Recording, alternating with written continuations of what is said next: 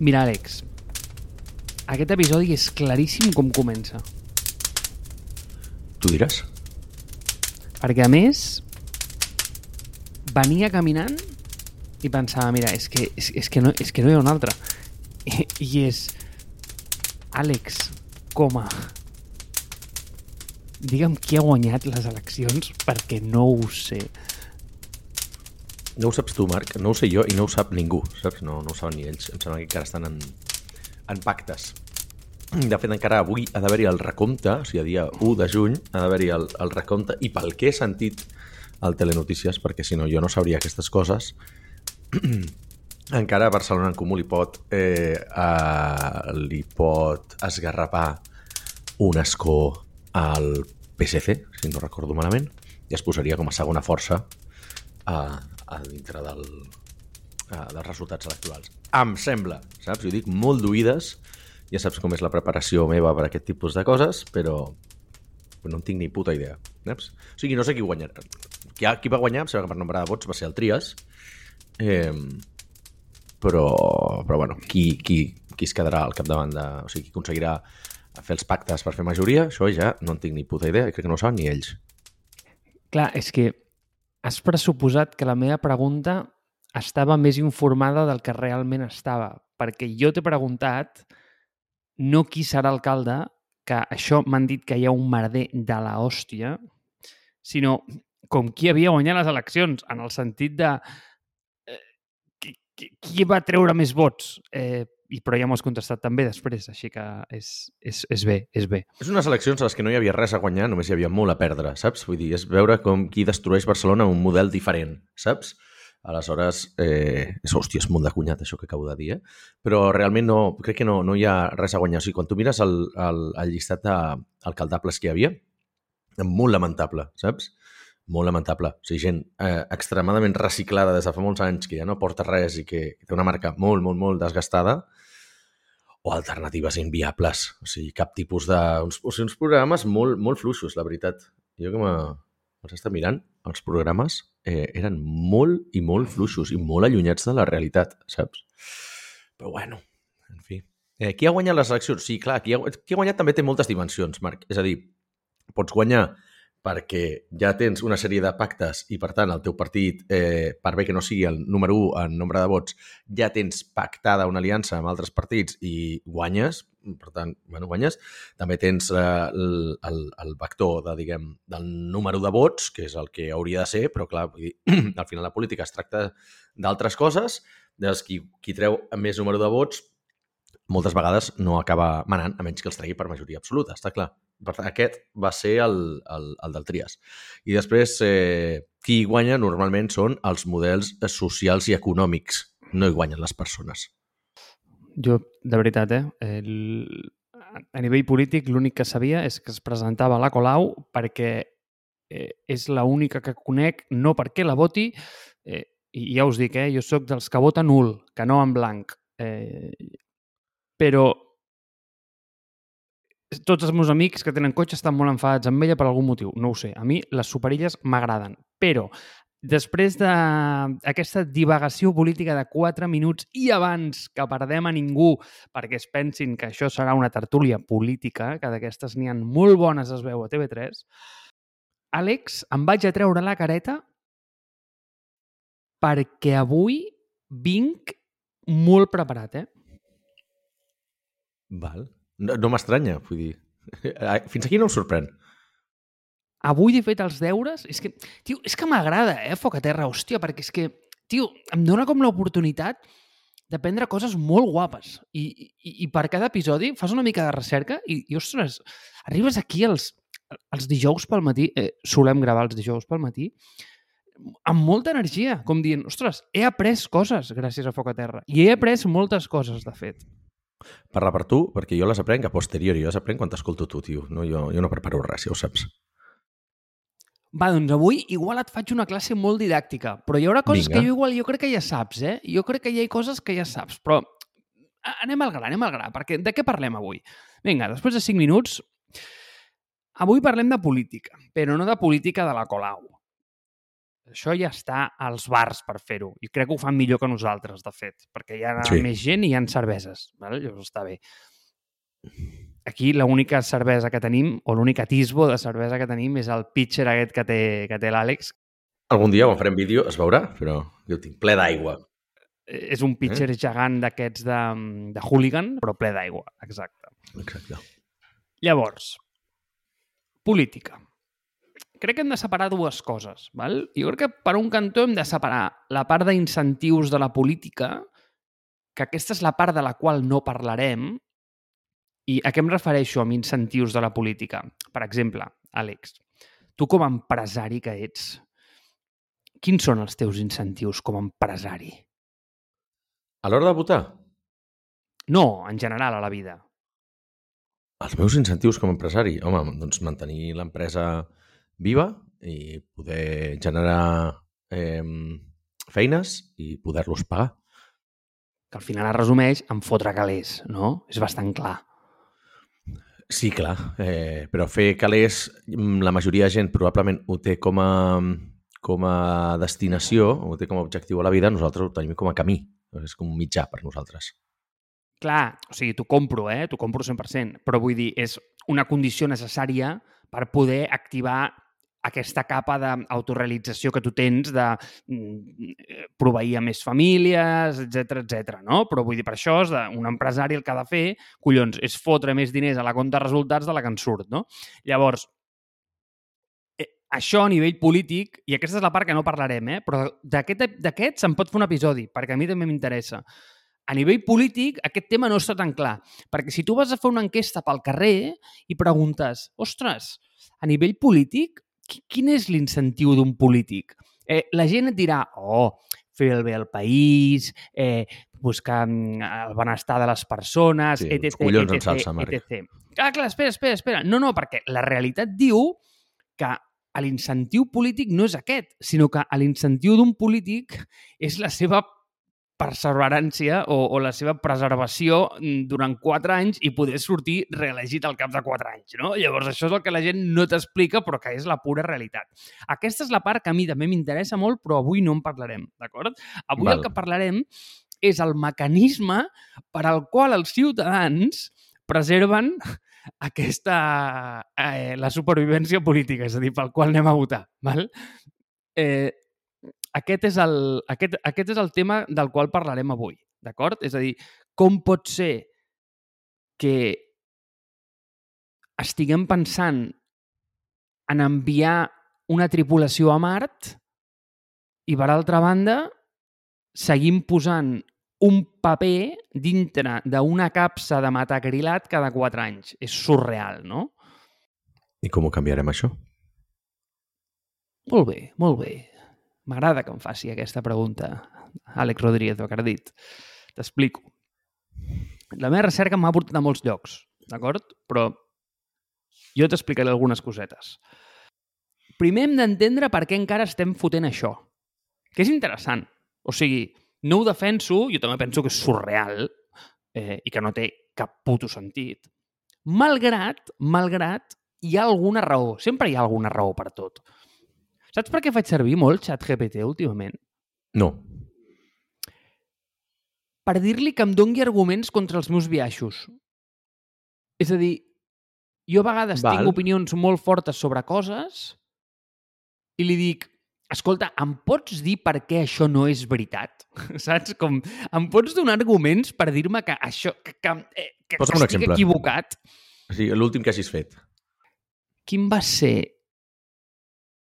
Ah, sí. Va ser per un tema de mm, generalisme eh, en la feina. És a dir, com jo volia com els punts més forts d'un generalista, és a dir, per què és bo un generalista a la feina, i li vaig dir, escolta, em pots donar els contraarguments pel qual ser un generalista és eh, una mala idea mm, a les èpoques que corren ara a nivell de feina? Eh, I, tio, em va donar com moltes coses. O, o jo que sé, per exemple, programació. Tothom diu, ostres, ser un programador, no? Ser un programador eh, et donarà molta feina, bla, bla, bla. Li pots preguntar, escolta, em pots dir per què és una mala idea a dia d'avui començar a estudiar programació? O sigui, I- i et dona Són arguments punts... convincents o no? Vull dir... O sigui, molts d'ells segurament ja els saps, però no te'ls repeteixes.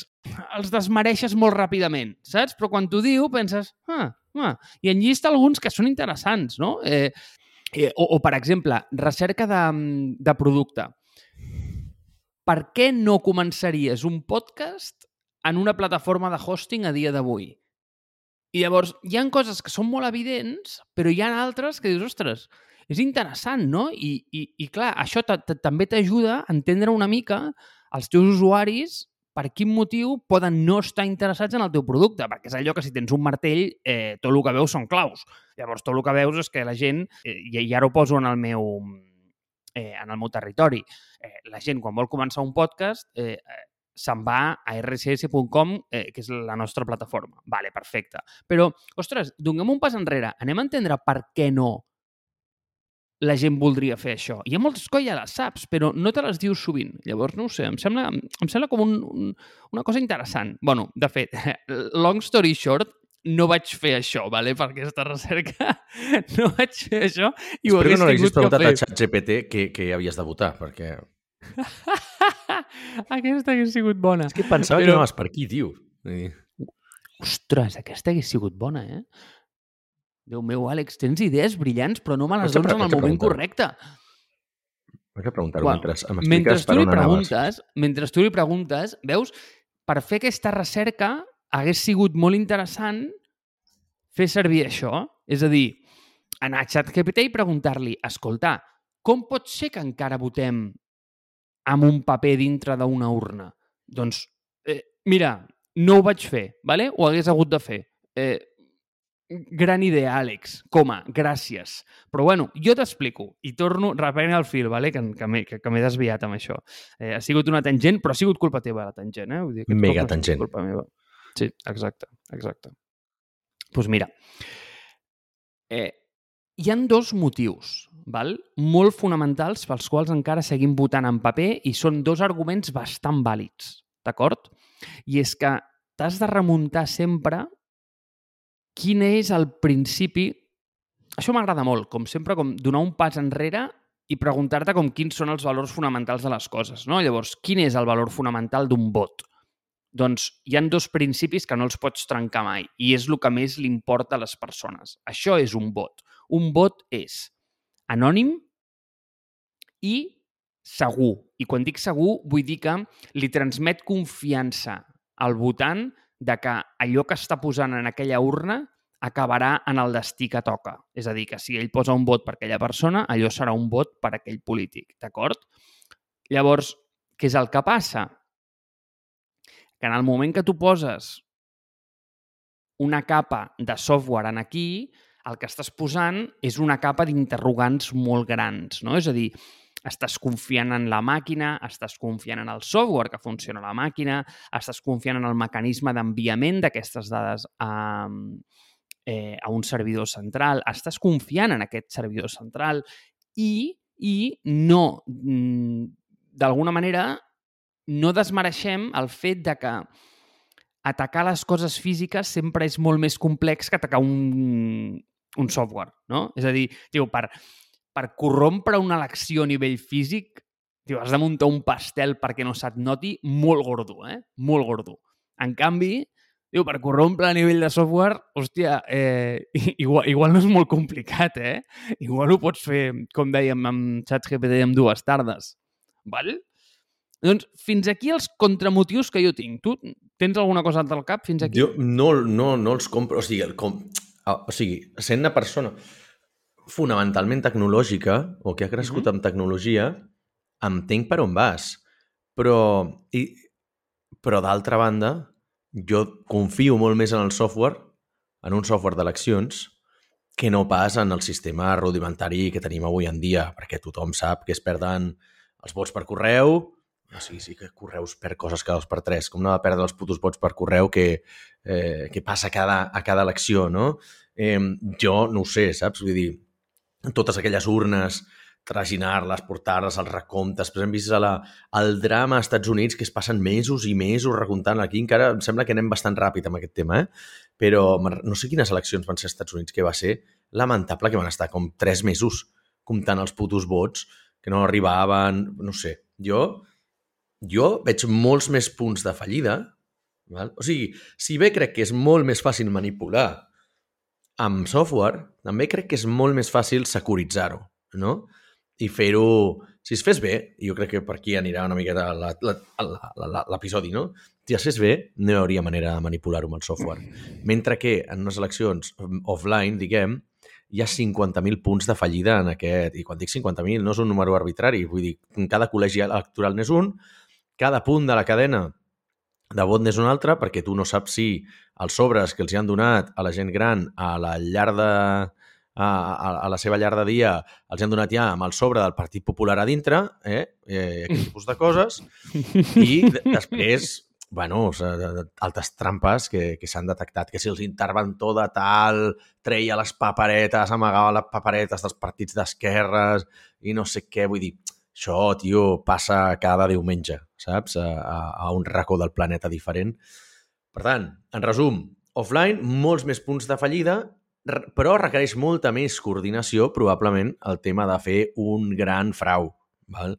però no seria el primer cop que passa. Software, al contrari, un sol punt de fallida, probablement, perquè en què corrompis la persona que està allà, i segur que no és tan fàcil, segur que la governança dels softwares d'eleccions no són tan senzilles, però podríem sobresimplificar-ho així, però, hòstia, també té les seves eines per fer-ho eh, tot molt més tracejable, eh, anonimitzat, més segur i totes les avantatges que tu vulguis. Vale. Fins aquí jo crec que estem d'acord. O sigui, tu i jo estem d'acord fins aquí. Mm, és a dir, em sap greu, val. em sap greu, però avui no, no hi ha polèmica, val? Eh, perquè sí, eh, has, has vist bé el meu punt, és a dir, jo també confio més en un software ben portat, el que passa és que sí que és cert que m'has de donar que el fet de que, jo que sé, un interventor mm, pues, eh, es posi a la butxaca de la camisa tres o quatre vots de, que, que no li agraden i no els conti, té un impacte molt petit i fer-ho a gran escala és molt difícil. En canvi, generar un atac sobre aquell software és més senzill, diguem, entre cometes. Eh? És a dir, un, un mass atac és més fàcil fer-lo a nivell digital, eh, també és veritat que a nivell digital l'upside és molt més gran. Llavors, mm, aquest punt és important. Fins aquí els nostres contraarguments. Però ara, ara bé, ara comença la part interessant de l'episodi. O sigui, jo crec que si eh, aquí l'audiència ha aguantat 18 minuts, crec que podem... Eh, molta paciència. Crec... Sí, ha tingut molta paciència, ha après alguna cosa, igual no gaires, però ara ve la part divertida. I és que aquí ve tota la part que jo desconeixia absolutament, però és interessantíssima. En el tema del, de, del vot electrònic, o el vot digital, diguem, tio, està poc extès, ¿vale? no, no, no, desafortunadament no hi ha molta data sobre aquestes coses. El que passa és que a mi hi ha una cosa que m'agrada molt i és que per entendre les coses, jo penso que les coses més interessants sempre passen com als extrems, no? O sigui, de lo més gran i lo més petit, eh, lo més lleuger i el més pesat. Si entens els extrems, i això és un molt bon disseny de producte, és un molt bon eh, patró de producte, de fet, que si dissenyes pels extrems, generalment els mitjos queden coberts. Val? Hi ha un mític cas d'estudi d'aquests a Ideo d'unes estanalles. Sàvies paraules. No, no, no és meu, és d'Ideo. Eh, hi, ha unes, eh, hi, ha uns, hi ha un case study mític d'aquests que t'ensenyen eh, si fas un MBA i pagues eh, 350 milions d'euros per que t'expliquin un case study. Jo no ho he fet, eh?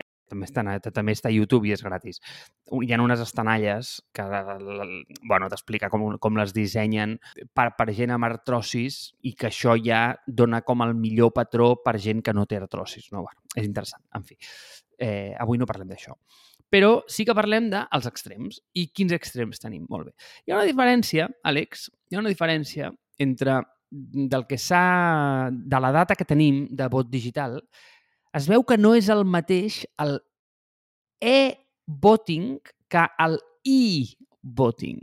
Vale o no? Ho tens clar, això, o no? Què, què, què és el e-voting? Ah, interessant, I, de, eh? I, i, I llatina estem... Sí, No, sí, sí, val. llatina. La nostra, la nostra. E-voting i e-voting. No tinc ni puta idea, Marc.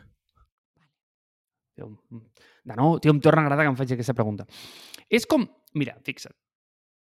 Clar, tu has dit, ostres, Estats Units, eh, tres mesos per aquells vots que no sabien... Bé, on està l'extrem? Molt bé. Vaig preguntar-me, quines han sigut les eleccions més grans que hi ha hagut en la història? Gran pregunta. Doncs, primer, el meu cap va dir, serà la Xina. Però clar, no, tio, a la Xina no hi ha aquestes No. coses. clar, és l'únic que vaig... Exacte. Sí, sí, sí, sí, sí, però és primer que vaig pensar, no? Però és que em va sortir Rússia, directe, però- segurament. Sí. sí, però després vaig pensar, tio, però quines tonteries dius, imbècil, no és. O sigui, com, com ha de ser? Eh, no, pues, òbviament no és. La Xina és la Índia, d'acord? Van votar o es van cridar a les urnes 900 milions d'habitants. Imagina't, eh, xaval? T'hi cagues. Hòstia santa. Aquí, quan hi ha generals, ens tornem bojos. Pues imagina't, 900 milions de tios. El problema, el problema de votar a la Índia no és aquest. El problema de votar a la Índia és que en allà clar, té que votar, la majoria de gent viu en mons rurals. Llavors, tio, generar un vot a, la, a és que, tio, a no sé on, o sigui, a, tio, Nova Delhi deu ser fàcil, però a les zones rurals de la Índia, tio, en allà, mm, és que l'únic que hi han són cabres mm, i, i pedres, és que no hi ha res més. Llavors, que les eleccions duren un puto mes, Àlex. Un puto mes, tio. I saps com funciona? Hi ha uns interventors i aquests interventors traginen 2,3 milions de, de màquines que són unes màquines per votar. I aquestes són de e-voting, perquè és electronic voting. És a dir, el, Val. tu el vot l'emets de manera electrònica, no hi ha paperetes. També perquè és interessant... és que ho veus com t'has d'anar als extrems? És interessant perquè allà tenen en compte el concepte de la, de la lectura. Com que la gent, hi ha molta gent analfabeta, els partits tenen dibuixos, no lletres. És curiós, eh? Aquí aniria bé I- també, eh? El tema de que fessin dibuixets. Com dibuixaries a la Colau, tu? Home, segurament a Colau la gent la dibuixaria, dibuixaria una superilla, no? Sí. O un cotxe prohibit, bàsicament. Sí, correcte. M'agrada, m'agrada aquest. pues en allà hi han dibuixets. Llavors, això, aquest pastel que dura un mes implica a 900 milions de persones i desplaça a 2,3 milions de persones caminant per tot el puto país perquè la gent pugui votar en el món rural també, és vot electrònic. D'acord? Uh -huh. Fins aquí bé, Fins no? aquí bé. Fins aquí Vale. bé. Llavors, de nou, on ens n'hem d'anar tio, a, per, per trobar les coses interessants? A l'altra banda. I on està l'altra banda? A lo més petit de tot. I què és lo més petit de tot? On, a, on en el món... Tu quan penses en, en digital i avançat, què et ve al cap? Digital i avançat. Ah, Hòstia, no ho sé, tio, científics, és que no ho entenc. Què vols Ah, dir? no! No, burro, països. Ah, països, collons. Vale, vale, vale. Eh, digital i avançat. És que, clar, suposo que la resposta senzilla hauria de ser Estats Units, però, però no, saps? És digital, però no el considero avançat en aquest sentit. Mm, Ah. Hòstia, aquí... Quan Segurament els digui... països nòrdics. Països nòrdics, tio. No. No? Quan, quan t'ho digui, em diràs, hòstia, clar, és veritat. És Estònia, tio. Val, val, sí. Sí, no? No, l'altra cosa que anava a dir era Japó, eh? Vull dir el següent, però si no hauria arribat a Estònia. Ah, doncs jo pensava que sí, que tot el tema aquest del... Eh, com de... Bueno, tenen, sí, tenen la residència aquesta electrònica i tot això, però mm, vull dir, són dos camps completament diferents, no? Eh, Vale. no sé. Sí, per, per àrea, crec que ja havia dit per això, països nòrdics, no? Una mica de dir, sé que allà Sí. ja s'ha fet l'esforç de que tots els tràmits, crec que el 100% dels tràmits ja els pots fer online, eh, des de fa uns anys, almenys a Noruega, recordo que va ser un país pioner amb això, després em sabia si va sumar a Suècia, però no, no, no, no sabia si també això arribava a les eleccions. pues, tio, Estònia no va un pas per davant, no. Va 27 pobles per davant, t'explico. Estònia és l'únic país del món on està implementat el e-voting. Llavors, la, la, quina és la diferència entre el e-voting i l'e-voting? Internet, que és internet voting, o què? Exacte, Àlex Rodríguez Bacardit, exacte. En Déu. Llavors, l'e-voting és vot per internet. I dius, hòstia, quant temps fa que ho fan això, aquesta gent? Nen, Va, di digue-m'ho tu. Des de quin any creus que hi ha Internet Voting a Estònia? Des del 2015. 10 anys menys. 2005. La primera Collons. elecció que t'hi cagues. Jo no sabia ni que el 2005 hi havia internet. Eh, Que Estava a la uni, jo. és broma, és broma, home, és broma. Pues, I encara votaven amb mòdems, macho. Pues, sí. Sí, tio. sí, tu, costava calés votar llavors, perquè havies de comunicar a casa. Pues, escolta, Existia Google Video encara, saps? Vull dir... tu imagina't, fa, fa temps això. Pues, Home, digues. sí, tio, votaven amb el Messenger, amb l'MSN. No, no, tio, això és broma, eh? Això no és recerca. pues, llavors, clar, i, i només perquè vegis com que les coses no es aconsegueixen sempre de, de primeres i són fàcils. Només va votar per internet el 3% de la població el 2005. Home, normal. Clar, m'imagino que això deu ser el mateix efecte de no me'n fio, saps, com als principis de l'e-commerce. Ja tothom compra coses per internet, però al principi, durant molt de temps, va ser una part residual de la població. Clar, i ara et diré, ei, Àlex, a les últimes eleccions que es van fer a Estònia, el 2019, quin percentatge creus que va votar per internet? No sé, un 70. A veure, t'has flipat, eh, no? Fill? Sí, a veure, t'has flipat. Està bé, t'agraeixo que et flipis, o sigui... Eh, A veure, a Estònia hi viuen 200 persones, vull dir, tampoc, eh, no sé, jo imaginava que igual tenen, tenen més penetració de mercat en aquest sentit, més adopció de tecnologia. Bueno, no hi ha gent gran a Estònia, només hi ha, només hi ha gent jove. És un, Bueno, és un país jove, Marc. bueno. Tothom va néixer el dia que es van declarar independents. Dona'ls fe una mica de fe, pobrets, home. Un 44, a poc a poc, això no es aconsegueix a la nit al dia, tu. I, i, i hi ha gent gran també que entenc que el tema de l'internet el té complicat. Llavors, no, però penses en Estònia i dius, no, tia, to- tots deuen ser xavals de 1,90 m eh, de 22 anys, tu. Que juguen a bàsquet, Però- bàsicament. Eh, sí, exacte. Estònia és bona amb el bàsquet? Jo no miro bàsquet, eh, però em sona que...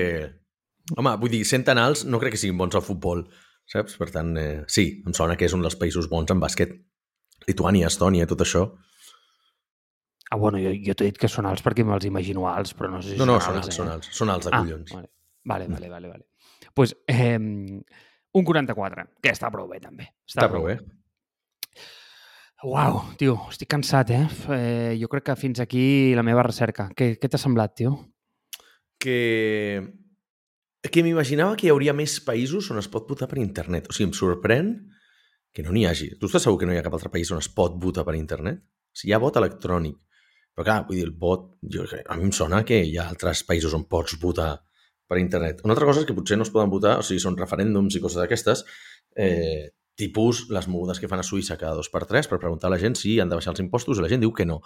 Però, o sigui, eleccions generals no es poden votar per internet perquè, collons, software n'hi ha, saps? I Clar, jo et parlava de- de- d'eleccions generals i la resposta a la teva pregunta de si sé si algun altre país la meva resposta és absolutament no. O sigui, vull dir, no ho sé. Val? Vull dir, Ah, val.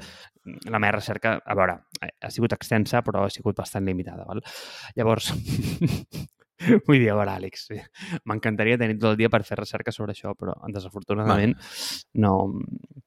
Eh, Ho dic perquè, perquè aquí a Barcelona, o sigui, i crec que ho havíem comentat algun dia, aquí hem tingut una empresa que ha estat puntera en el, en el camp de les votacions i de, de la democràcia electrònica, com va ser Saitel, va? una empresa que va sortir com un spin-off de la UAB, eh, que té, una història bastant interessant, si la recerqueu, eh, dediqueu-li 10-15 minuts perquè té, té bastanta història, va fer tecnologia puntera, vull dir, surt de la recerca, com deia, eh, va tenir, em que el fundador es va morir, es va posar un, un CEO professional, no? el Pere Vallès, que venia de- d'empreses de, del Nasdaq, la va convertir en empresa, abans era més com un, un, un projecte de recerca. Bueno, molts ups and downs, però bàsicament el que, el que feien era el software, diguem, el, el, el software end-to-end per, eh, per temes de, de, de votacions, votacions electròniques, no? I controlava o ajudava a controlar el, tots els processos electorals. No només processos electorals, eh? també, també altres processos de votacions, diguem, d'associacions enormes i tot això. Aleshores, clar, et feia tant eh, recompte, com la validació de la identitat, com si tenies eh, el, el control de, de presencialitat dins dels col·legis electorals, etc etc. val? I d'alguna manera van fer com, ah, això és una miqueta presentuós, però el, soft, el, el blockchain abans del blockchain. val? perquè ells ja feien verificació d'identitat, traçabilitat, eh, immutabilitat, totes aquestes històries dintre de, de, de la seva plataforma.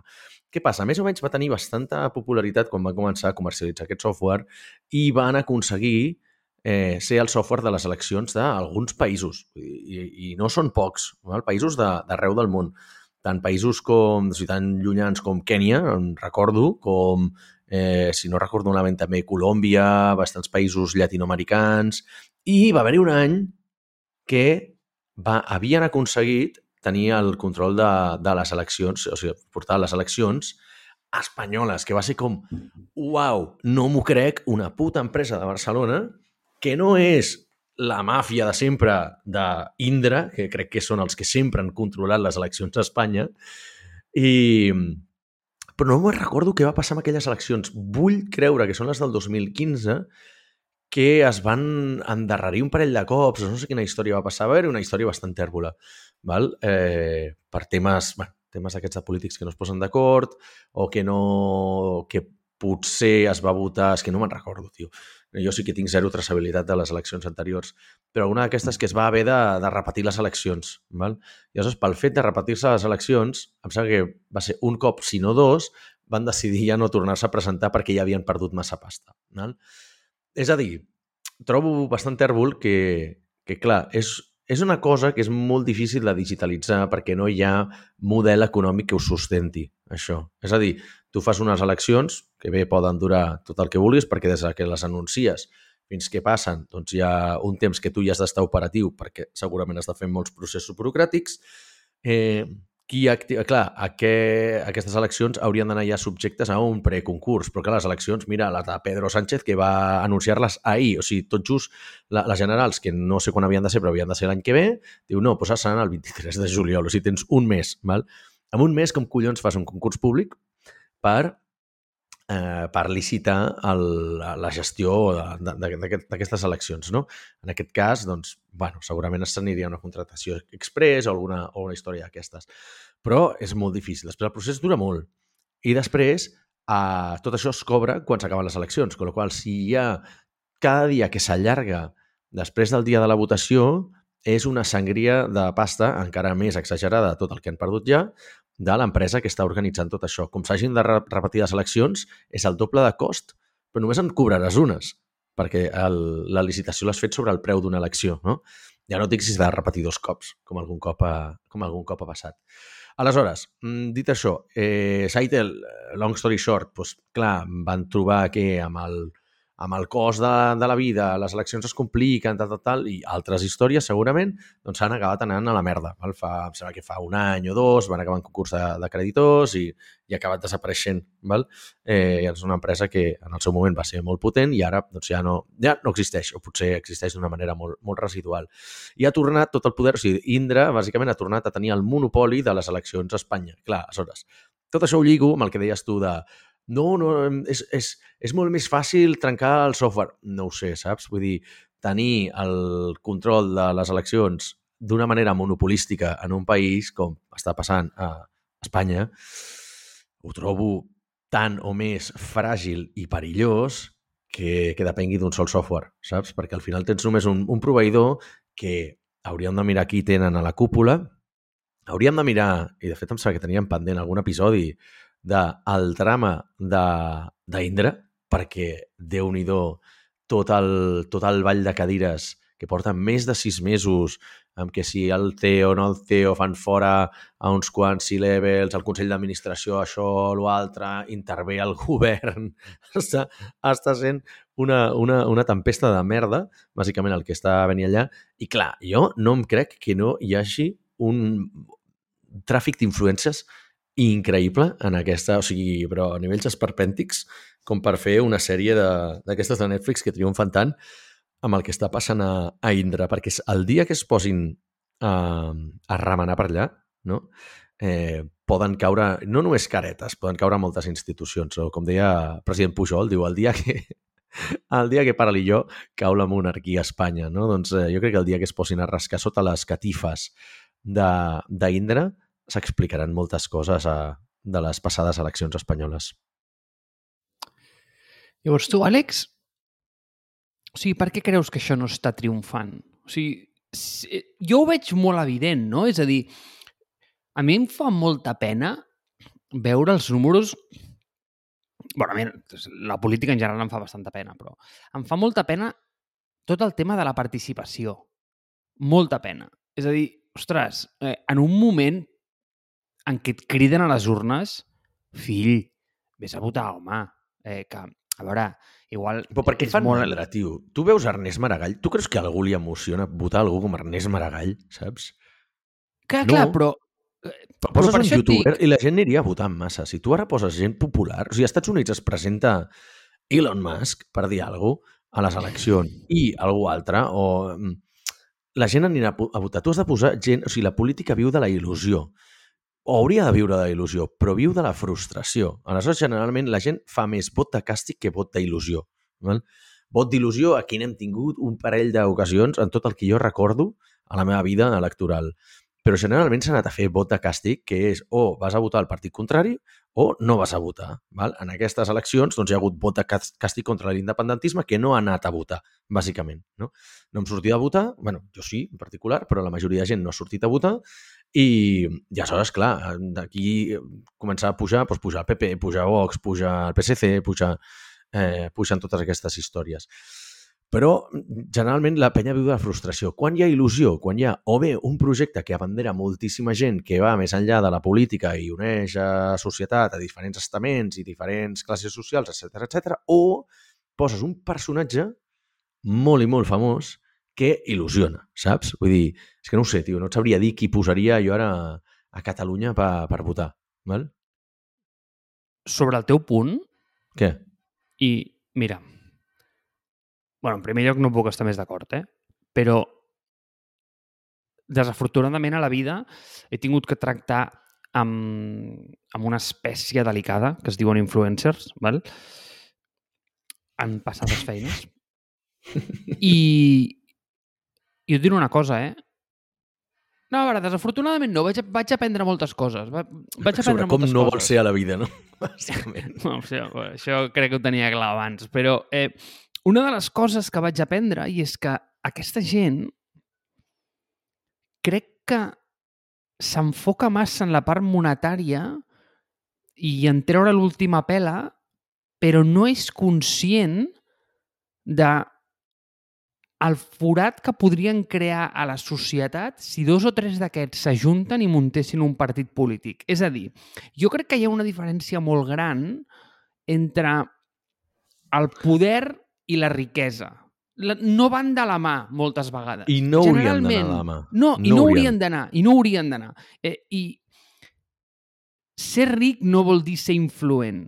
Llavors jo penso... Sí, malauradament, malauradament, malauradament és, és, és així saps? Eh, eh, espera un moment, perquè hi, hi, ha un, hi ha un detall aquí, i és que aquesta gent, i quan dic aquesta gent vull dir aquests influencers, tenen la capacitat o s'enfoquen molt en la part monetària, és a dir, en la part de la riquesa, però no són conscients de, de la força que tenen a nivell de poder. És a dir, si tu juntes cinc o sis d'aquests i, i, i literalment munten un partit polític o determinen un vot, poden o A, esbiaixar absolutament, però absolutament, el curs de les eleccions, o bé sortir ells elegits mm, d'una, com tu bé dius.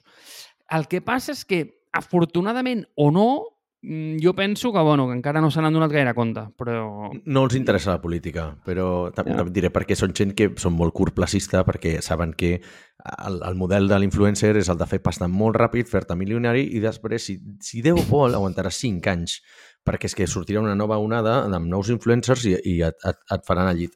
Eh, jo sempre he sostingut, Marc, que eh, a la vida hauries de poder triar entre dues coses, val? si et va bé, entre tenir poder o tenir diners. No pots tenir les dues coses. Val? Si tu vols tenir molts diners i ser fotudament ric, hauries de ser com Dan Bilzerian, val? que eh, és aquest eh, fill de milionaris que el que es dedica és a crear empreses de marihuana, està rodejat de, de, de, de supermodels viatjant pel món i, i fent el tonto, bàsicament, jugant amb bazoques i amb quads i tot això, però se li coneix zero activitat política o social, l'únic que fa és estar a Instagram perquè és un puto influencer i és un, és un ric fastigós. Val? Però no molesta. En canvi, a mi el que, el que realment em molesten són la penya que són molt rics i després decideixen interferir en política perquè es pensen que saben de política. Per exemple, Elon Musk. Val? O, per, molt pitjor encara, gent que es creu que és rica i que es creu que sap de política com els vicis espanyols, val? que si, tot el seu puto timeline és de parlar de política cada dos per tres quan no en tenen ni puta idea perquè no saben ni, eh, no saben ni en quina societat viuen. Però bueno, dit això, eh, aquest és el, el problema del, de, de les eleccions, tio, que és que eh, la gent que, que té calés generalment és la que influencia, vulguis o no, influencia de moltes maneres, no? finançant els diaris, finançant els mitjans de comunicació, apareixent a les, a les eh, a les tertúlies polítiques i representen molt poc de la societat. O sigui, realment representen l'1% de la societat, però tenen tota la quota mediàtica i, per tant, la gent de les capes més baixes què veuen? Això. Es pensen que aquesta gent té raó i van a votar el mateix. I d'aquí surten els obrers que voten a dretes, per exemple, o la gent que es creu que és classe mitjana, eh, aquest eh, fenomen sobrenatural o el meu animal mitològic preferit, que es creuen que mm, per ser de classe mitjana, una cosa que no és veritat, han de votar a Convergència o al PP perquè és que si pagarem menys impostos. Tu el que ets ets gilipolles.